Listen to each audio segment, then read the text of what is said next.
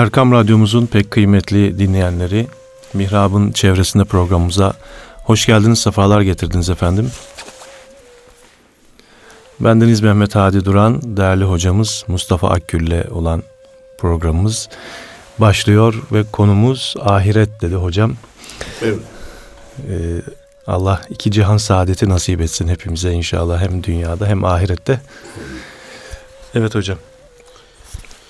Bismillahirrahmanirrahim. Elhamdülillahi Rabbil alemin. Ve salatu ve selamu ala Resulina Muhammedin ve ala alihi ve ashabihi ecma'in. Efendim, e, ahiret inancı dinimizde iman esaslarının hem de çok önemlilerinden biridir. Hatta icmali iman tavsiye e, tarif edilirken Allah'a Resulüne ve ahirete iman şeklinde anlatılır. Diğerleri bu üç kategorinin altında e, yerleştirilir.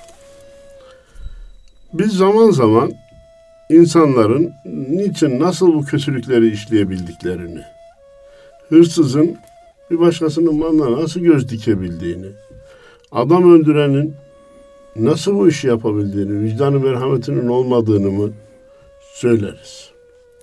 Zaman zaman da adamın şu kadar parası var hiç hayır yapmıyor. Adamın imkanları var, hizmetlere katkıda bulunmuyor.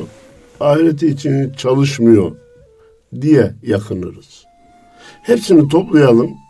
Altına yazacağımız cümle ahiret inancının zayıflamasından. Evet.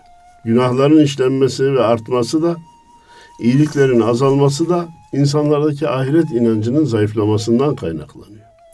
Çünkü hakikaten öldükten sonra dirilip bütün yaptıklarının hesabına vere, hesabını vereceğine inanan bir insan başkasının malına elini uzatamaz. Maddi imkanı varsa fazlaysa ben bunu ile efendim sakın kimseye vermeyeyim hepsi benimle kalsın diyemez çünkü ne kadarını verirse o kadarını ahirete gönderdiğine inanır. Evet. Buradan hareketle diyoruz ki insanlara iyiliği yaptırmak da kötülüklerden alıkoymak da öyle diğer insanların teşvikiyle olmuyor. Evet.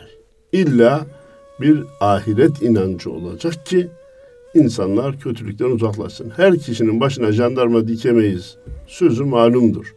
E şu son zamanlarda yaşanan olaylara bakın yani. Evet maalesef. E, emniyet güçleri bütün gücüyle çırpınmasına rağmen yine adam yapacağını yapıyor. Demek ki ahirete inancı zayıf. Evet. Öbürü ne yapıyor? Kendini patlatıyor. Şu kadar insanı öldürüyor. Ya bu ölen kim? Niçin öldü? Neye karşılık öldü?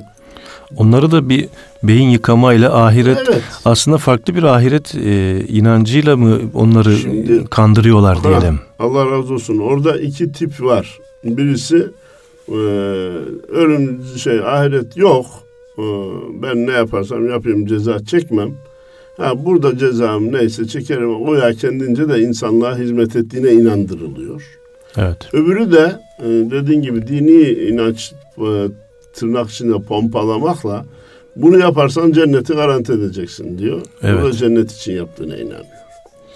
Şimdi demek ki ahiret inancı eğer güçlendirilirse insanlarda ve toplumda iyilik daha çok artacak ve kötülük de azalacaktır. Bunu arz ettikten sonra bir e, hikaye ile devam etmek istiyorum. Gençlerden birisi bir hoca efendiye gelmiş. Bu hikayemiz daha önceki sohbetlerde de geçsin, geçti ama sizin izniniz var. Tekrar Estağfurullah. olabilir diye. Estağfurullah. Teyit için efendim. Allah razı olsun. Efendim bir genç bir hoca efendiye gelerek demiş ki hocam sana üç sorum var. Benim sorularımı cevaplandırır mısın? Nedir evladım demiş. "E, Şeytan ateşten yaratıldı. Ateşte ceza görecek diyorsunuz.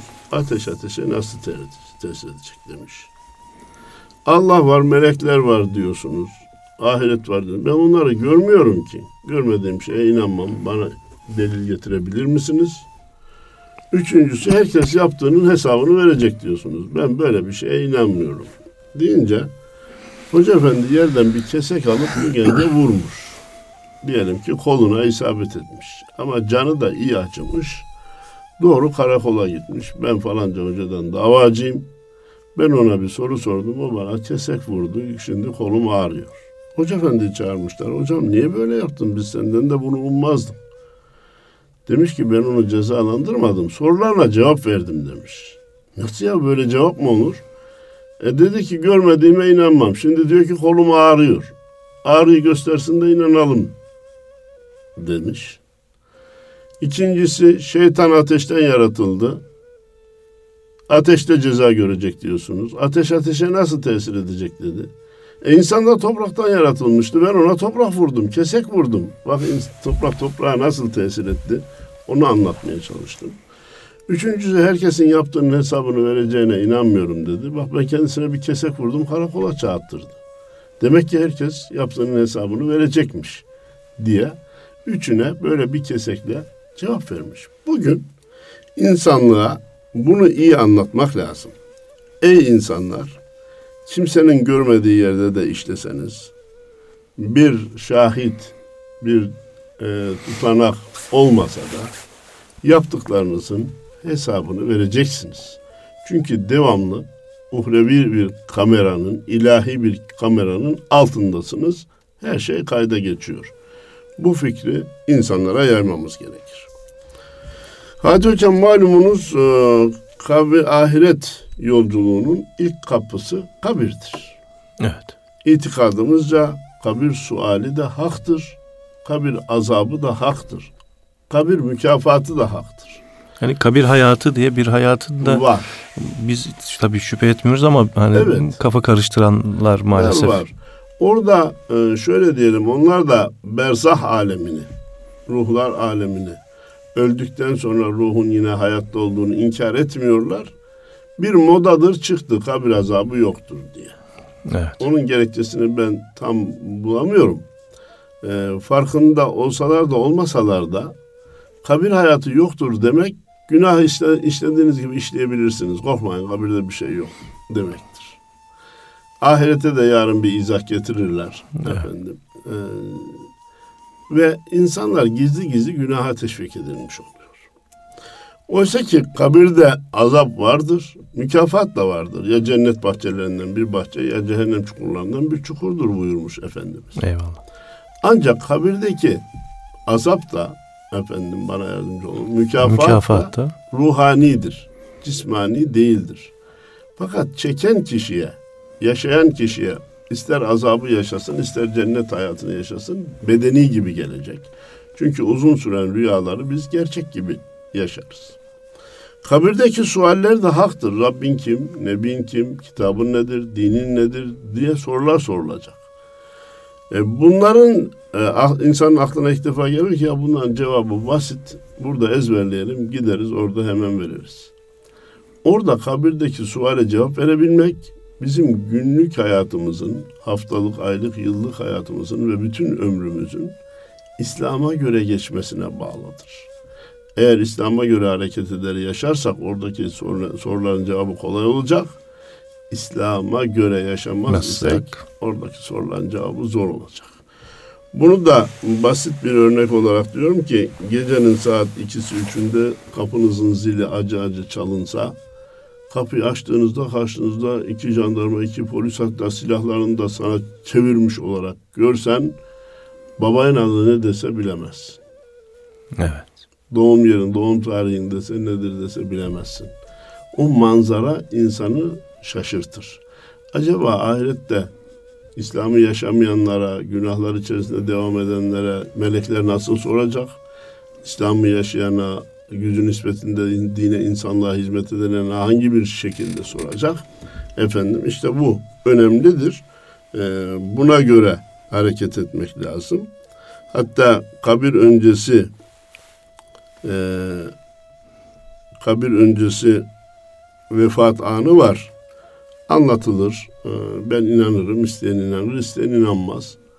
Ee, Hazreti İbrahim'e Azrail geldiğinde Hazreti İbrahim buyurmuş ki şu kafirlerin, zındıkların ruhunu alırken ki halini bir görmek istiyorum. Dayanamazsın ya İbrahim demiş. Olsun görmek istiyorum. Hazreti İbrahim biliyorsunuz meraklı bir peygamber. Peki dön arkanı demiş. Dönmüş. Azrail o haline bürünmüş. Şimdi dön bak demiş. Bakınca bayılmış. Ayıldığında demiş ki kafirler için bundan başka azabı olmasa bu bile yeterdi. Sonra da ya Azrail bir de Allah dostlarının ruhunu aldığın şekliyle görmek istiyorum. Dayanamazsın ya İbrahim. Olsun görmek istiyorum.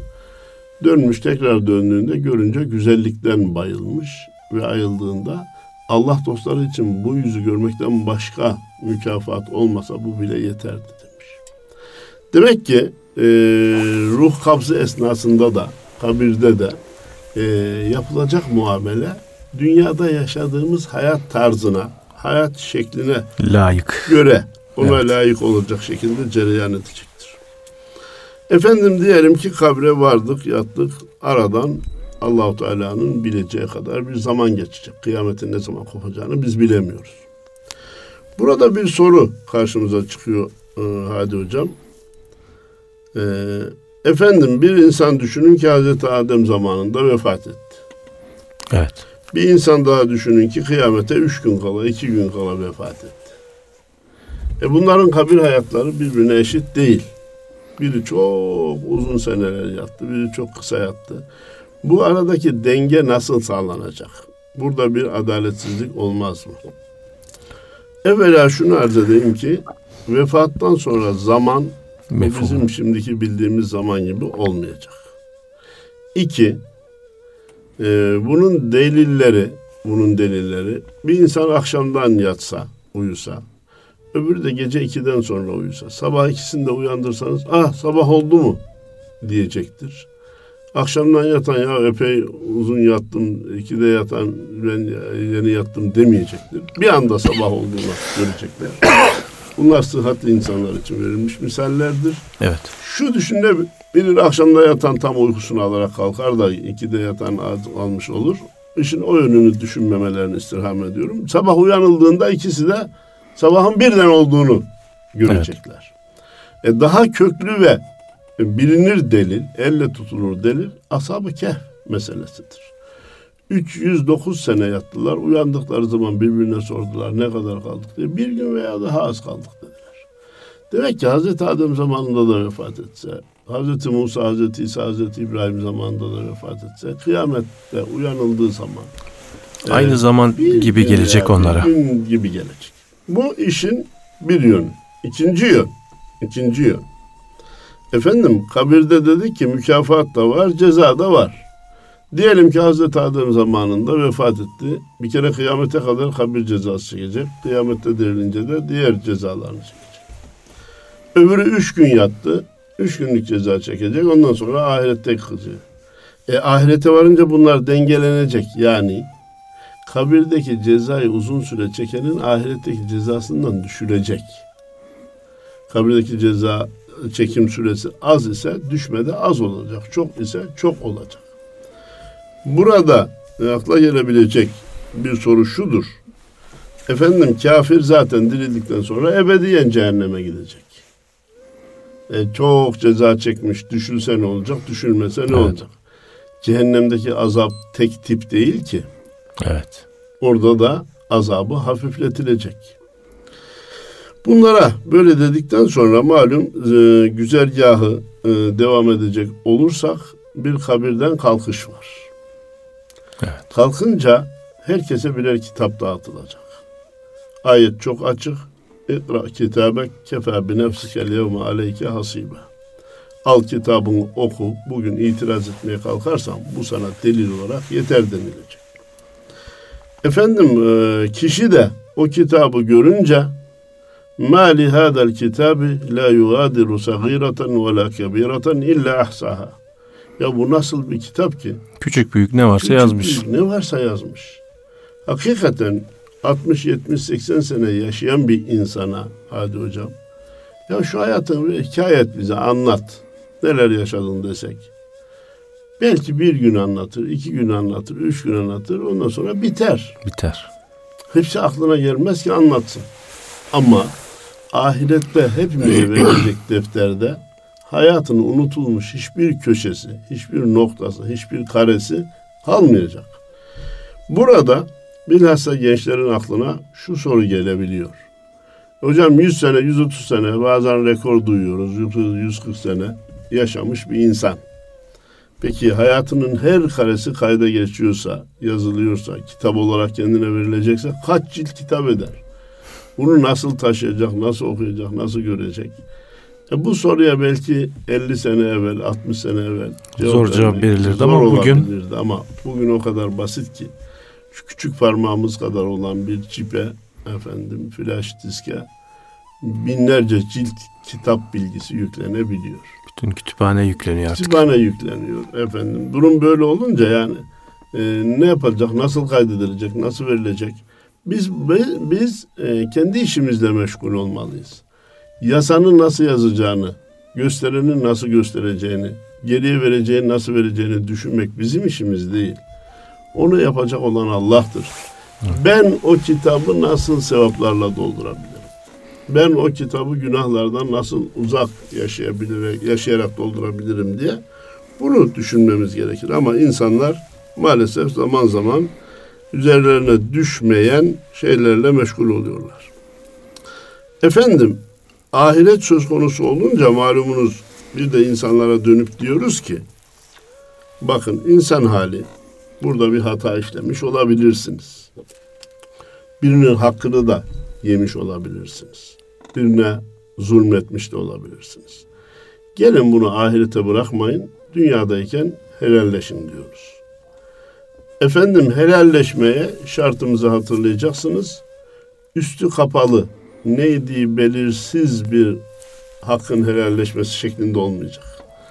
Senelerce ortaklık yapmış, ortağından para kaçırmış. Miras esnasında kardeşlerini kandırmış. Efendim bir tapu almış da işi puntuna getirmiş. Efendim parayı ödememiş. E aradan zaman geçmiş, seneler geçmiş. Efendim kardeşinin bağını, tarlasını, fındıklığını, çaylığını kullanmış.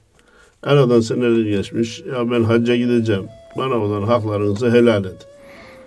E beraber 20 sene bu apartmanda yaşadık. Komşular hakkınızı helal edin. Edelim de sen aidatlardan ödemedikçe apartmana zarar geldi. Sen ödemediğin için suyumuz kesildi, elektriğimiz şöyle oldu. Bunları nasıl nasıl karşılayacaksın da ondan sonra helalleşelim. Mirasta sen beni şu kadar kandırdın. Bunu iade et ki hakkımı helal edin. Evet. Orada tapuda bir boşluğu buldun, şunu yaptın. O hakkı bana iade et ki helalleşeyim diye. Eğer zikredilmesinde, ortaya getirilmesinde yeni bir fitne söz konusu değilse, yenilen hak açıkça belirlenecek ve helal evet. etmesi için karşılık teklif edilecek. Ben şunu yapayım, bunu yapayım, şöyle ödeyeyim, bana olan hakkını helal et. Bağışlamak hak sahibine aittir ama yine. Hak sahibine ait. Ödemeden de hani. Ha. ha ödemeden isterse bağışlayabilir. Evet. Ödeme isteyerek bağışlayabilir. Bir de ne verilirse verilsin hiç bağışlamayacağım diye karşı zor duruma hmm. e, sokan, tabiri caizse haklılığını istismar eden tipler de ortaya çıkıyor. Evet, o da olabilir. Burada kişinin yapacağı şudur. Hatırlarsanız devlet bir arsayı istimlak ediyor. Efendim gel sana arsana karşılık 100 bin lira vereyim. Almam. Efendim 500 bin lira eder. 125 vereyim almam. 150 vereyim almam. Devlet götürüyor belediye bankaya hesabına yatırıyor. Arkadaş ister al ister alma işte orada diyor. Mahkemeye de verirsen mahkeme ne karar verirse işte orada diyor. Şimdi illa beni affet. Ben bunun da karşılığını ödemeye hazırım. Ucuzcu değilim. Meccanen af istemiyorum. Diye bütün çırpınmasına rağmen eğer karşıdaki helal etmiyorsa o pişman olan kişi, helallik isteyen kişi kalbini tatmin edecek bir rakamı karşıdakinin hesabına tabi sevabı onun olmak kaydıyla fakire fukaraya verir elini de kaldırır. Ya Rabbi halim sence malum. Ben helalleşmek için elimden geleni yaptım ama karşı taraf bunu kabul etmedi. Ben de samimiyetimi göstermek için o meblağı çıkardım fakir fukaraya verdim. Sen de beni bağışla. Ya Rabbi diyeni Cenab-ı Allah karşılıksız bırakmaz diye düşünüyorum. Efendim dünyadayken ya ucuza helalleşmek istedi. Hakkın helal et hiçbir ödemeye razı değil. Karşı tarafta hakkımı helal etmiyorum dedi Ya da hiç helalleşmek aklına gelmedi. Ahirete gitti. Efendimiz Peygamberimiz Aleyhisselatü Vesselam ahiret müflisi kimdir bilir misiniz diye sormuş. Allah ve Resulü daha iyi bilir ya Resulallah. Ahiret dünyada iflas eden kişi kimdir? Borcu mevcut malını aşan kişiye müflis denir. Ahirette de öyle insanlar olacak ki çok büyük sevaplarla gelecek. Fakat Ahmet'in hakkını yemiş, Mehmet'in tarlasına tecavüz etmiş, Hasan'ın gıybetini yapmış, kardeşlerini mirasta kandırmış, komşularını devamlı mutazarrır etmiş, sıkıntıya sokmuş. O alacak sahipleri ahirette gelir. Her biri hakkını alır, alır, alır, alır, alır gider. O sevaplar bittiği gibi daha alacaklı bitmemiştir. İşte ona müflis denir. Bu sefer de geride kalan alacaklıların, sevaplardan bir alacak bulamayan alacaklıların günahından alınıp buna yüklenir. Böylece denge temin edilir. Kimse yanına kalacağını zannetmesin. Dünyadayken helalleşmeyi tercih etsin. Ahirette iflas etme durumuna düşmesin. İnsanın imanına talip olma gibi de bir şey var mı? Hani böyle bir İman biraz... tamamen imanı alamaz yok. Yok öyle bir yok. şey yok değil mi hocam? Öyle bir Sevap alır şey veya duymuştum. günah ona verilir imanını alamaz. Evet. Efendim bu bir de son zamanlarda kulağıma gelen bana göre biraz halk mantığıyla uydurulmuş.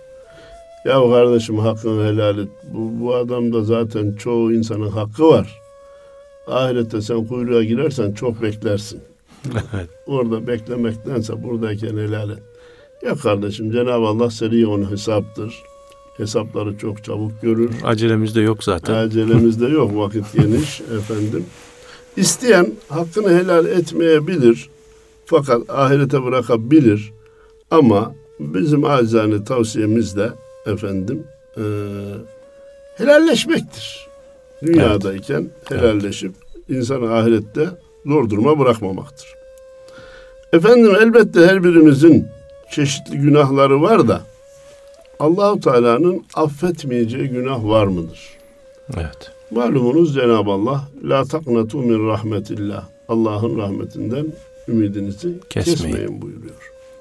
Onun için biz genelde Allah'ın rahmetinden ümidini kes, ümidimizi kesmeyeceğiz. Ancak kul hakkıyla şirkten çok korkacağız.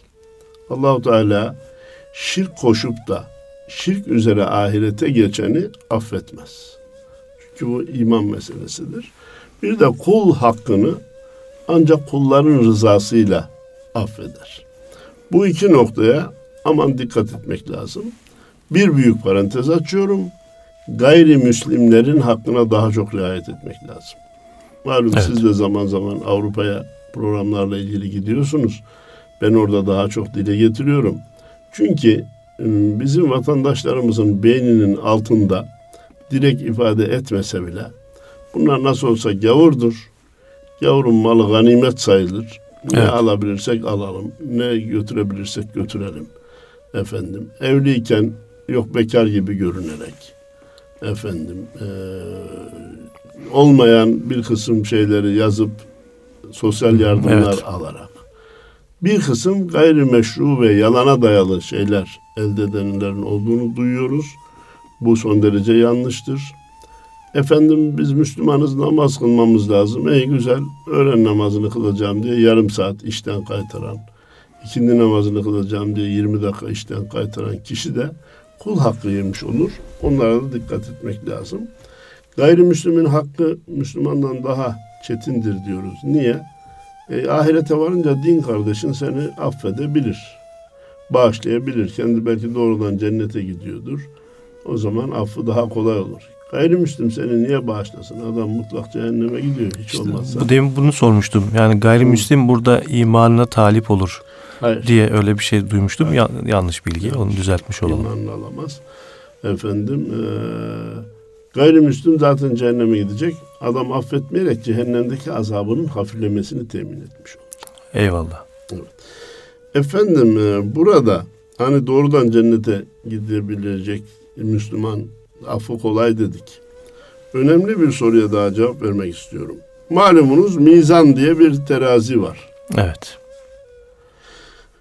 فَمَنْ ثَقُلَتْ مَوَازِينُهُ فَهُوَ فِي عِيشَةٍ رَاضِيَةٍ وَمَنْ خَفَّتْ مَوَازِينُهُ فَأُمُّهُ هَاوِيَةٍ Mutlaka mizanda tartılacak.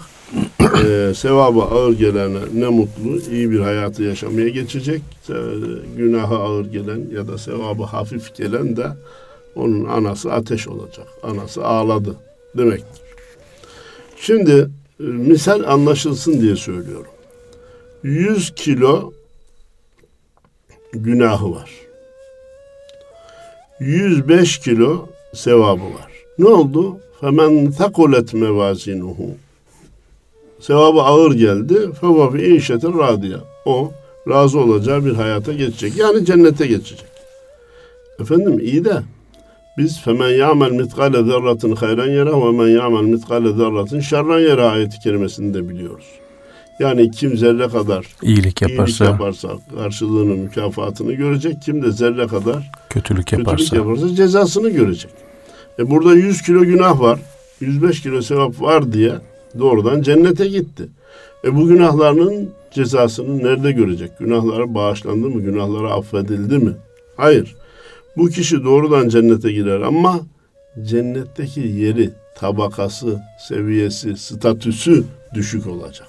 Hmm, Günahlarının cezasını, zararını orada görmüş olacak. Evet.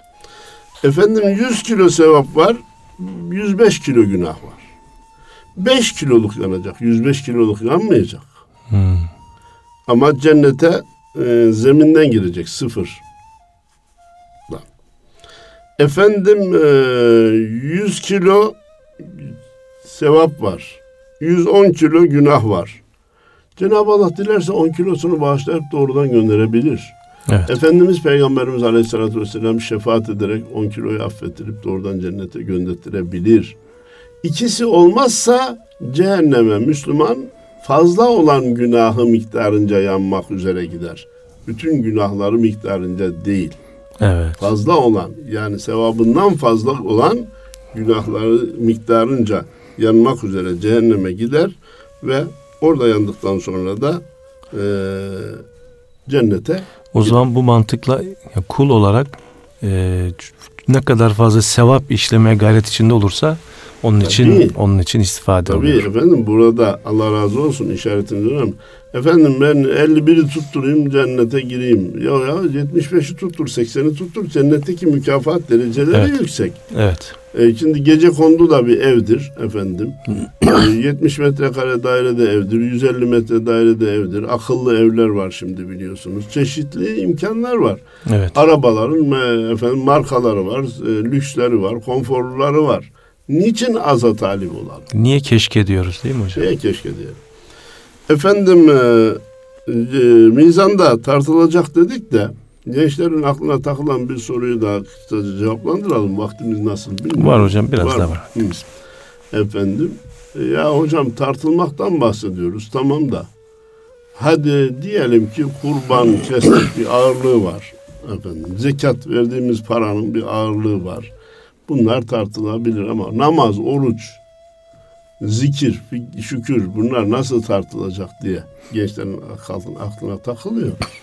E bir zamanlar tartılma deyince baskül, odunlu, antanın topu sağa sola giden hmm, tartı aleti aklımıza geliyordu. Daha sonra yer terazisi keşfedildi. Daha sonra elektrikli terazi keşfedildi. Hiç gram da kullanmadan adam koyuyor üstüne hemen kaç gram olduğunu görüyor. Ama bunlar maddi şeyler olduğu için diyelim ki daha doğrusu tartılarak teraziye konarak ölçülüyor. Ama elektrik gözle görülmeyen bir nesne.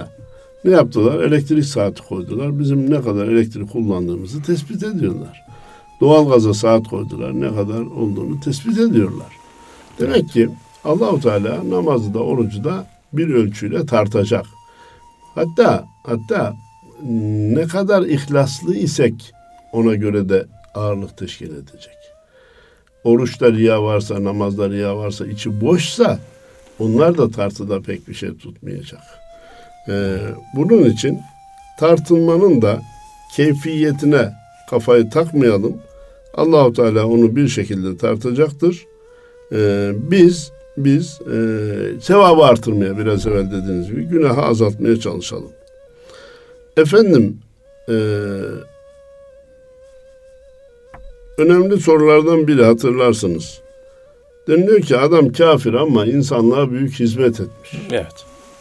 Edison elektriği Edison bulmuş. Ampulü bulmuş efendim falanca Ampulü bulmuş. gemiyi bulmuş. falanca yüzme kanunu bulmuş. Falanca yer çekimi kanunu bulmuş. İnsanlığa büyük hizmet etmiş. Bunlar niye cennete girmiyor? Sevgili kardeşim, diğer insanları Allah'ın misafirleri olarak kabul edin. Allahu Teala'yı da ev sahibi olarak kabul edin. Misafirlerden bir misafir düşünün ki diğer misafirlere iyi davranmış, hizmet etmiş, gönlünü almış. Ama hanenin sahibiyle kavgalı. Evet. Evin sahibinin aleyhinde konuşuyor. Evin sahibine kızdıracak efendim, onu gazaba getirecek laflar ediyor. Bu e, ne kadar diğer misafirlere hizmet etse bile ev sahibinin başka yerde hazırladığı villaya giremez. Başka yerde hazırladığı mükafata, sofraya onu dahil etmezler. Evet sen diğerlerine hizmet ettin, diğerlerine faydalı oldun ama hanenin sahibi senden memnun değil. Bir de diyoruz ki bir Alman, bir İngiliz Türkiye'ye milyarlar yardım etse, hatta hibe olarak, bağış olarak yardım etse, bir köprü daha yaptırsa, bin kilometre otoru, bir gün dese ki gideyim de şunları göreyim diye çıksa gelmek istese sınır, sınırdaki polis, jandarma ona pasaport sorar. Ya kardeşim benim Türkiye'ye şu kadar iyiliğim var niye pasaport sor? Yok. Buradan girmenin şartı pasaporttur. Senin yaptığın iyilikler ayrı. Onun sen girdiğin zaman onun mükafatını sana iltifat edilirmiş, edilmezmiş. Evet. Biz ona karışmayız. Ama buradan geçmenin şartı pasaport derler ve pasaportu isterler. Bunun için kimse efendim dünyadaki hizmetlerden dolayı imanı olmasa da insanların cennete gireceklerini zannetmemek gerekir. Efendim e, ahiretle ilgili e, malum ayet-i kerime yevme yefirrul mer'u min ahihi ve ummihi ve abih ve sahibetihi ve beni. İnsan o gün anasından, babasından, kardeşinden, arkadaşından kaçacak buyruluyor. Ya dünyada çok sevdiğimiz bu insanlardan ahirette niye kaçıyoruz? Ana baba evladından kaçacak çünkü evladım karşıma gelirse anacığım babacığım sen benim yazlığımı, kışlığımı, tahsilimi, okumamı, mesleğimi düşündün. Dinimi, imanımı, ahiretimi hiç düşünmedin. Beni ahirete hazırlamadın. Beni bugün de bak zor duruma düşürdün diye yakama sarılırsa ne diyeyim diye korkacak. Efendim e, evlat da anadan babadan korkacak. E, oğlum ben sana her şeyi söyledim bak sözümü tutmadın. E, bir de bana kötü şeyler getirdin, beddua ettirdin. Ben öldükten sonra aleyhimde konuştutturdun. Bak ben bunu bugün zor durumda niye yaptın diyecek. Kardeşler birbirinden kaçacak çünkü mirasla hakkını yemiştim. Şimdi karşıma çıkarsa ne olacak diye düşünerek kaçacak. Orada akrabalar birbirinden kaçmak istemiyorsa orada akrabalar birbirinden kaçmayı istemiyorsa buradayken herkesin hakkına riayet etmesi lazım. Büyük büyüklüğünü, küçük küçüklüğünü bilmeli ve herkes burada görevini hakkıyla yerine getirirse orada kimse kimseden kaçmayacaktır. Efendim e, yine iki özlü şeyi akılda kalsın diye dikkat çekerek arz etmek istiyorum. Buyurun hocam. Bütün ahiret hayatı tetkik edilse, ortaya dökülse ahiret inancı mutlaka zaman zaman gözden geçmesi lazım. Gözden geçirilse varılacak neticelerden biri şudur ki cennet ucuz değil, cehennem de lüzumsuz değildir. Cennet ucuz değil, cehennem de lüzumsuz değildir. Zalimler için yaşasın cehennem denilmiş abi. Bugün can yakan insanlar var. Evet. Yaptıklarını izah etmek mümkün değil. Elbette bunların cehenneme gitmesi lazım ki mazlumlar, onların zulmünden zarar görenler rahat edebilsin. Bir de dünyada insanlar bazı haksızlıklarla karşılaşınca cehennem inancı mazlumu burada teselli, Teselli eder. eder. Evet. Teselli eder. Der ki bu bana yapıyor ama bir gün cezasını çekecek. Allah bunu yanına bırakmayacak. Bir de hiç ceza olmayacak olsa buradaki zulme uğrayanın çıldırması lazım. Evet. Efendim belki dünyanın en kısa vaazını daha önceki sohbetlerde size nakletmiştim efendim. Rekor kısa vaaz kime aitti? Hasan-ı Basri Hazretlerine aitti. Hasan-ı Basri Hazretlerine senin vaazını seviyoruz bize biraz vaaz et demişler. Demiş ki benim vaktim yok. Efendim o zaman az vaaz edersiniz demişler. Hasan-ı Basri Hazretleri iki cümlelik vaaz etmişti. Burada korkan orada korkmaz. Burada korkmayan orada korkar. Hadi kalkın gidin demişti. Bütün ahiret inancı bu iki cümlenin üstünde. Burada vazifesini yapan orada korkmayacak, orada rahat edecek. Burada vazifesini yapan orada kork e, nasıl söyledik biraz Burada vazifesini yapan orada rahat Burada edecek. korkmayacak. Burada ihmal eden, burada nefsine göre yaşayan, burada hiç Evet. Allah korkusu, insanların hakkını yeme korkusu olmayan, ibadetimi kaçırıyor muyum diye korkmayan orada korkacak. Sizin o salihiniz vardı ya hani Aa, o mezarlıktaki telkinci evet. değil mi? E, vefat edendeki kabre konan e, cenazeye telkin vermişti. Haram yemedin de yalan söylemedinse fazla telaşa lüzum yok. Burada verdinse orada alırsın, burada aldınsa orada verirsin. İşte bu. Vallahi işin özeti bu. Evet. Cenab-ı Allah dünyada ölçülü yaşayıp da ahirette gülenlerden eylesin. Ahir akıbetimizi hayretsin. Allah razı olsun değerli hocam. Mustafa Akgül hocamızla olan sohbetimiz, Mihrab'ın çevresinde programımızdaki sohbetimiz burada sona eriyor. Allah'a emanet olun değerli Erkam Radyo dinleyenleri.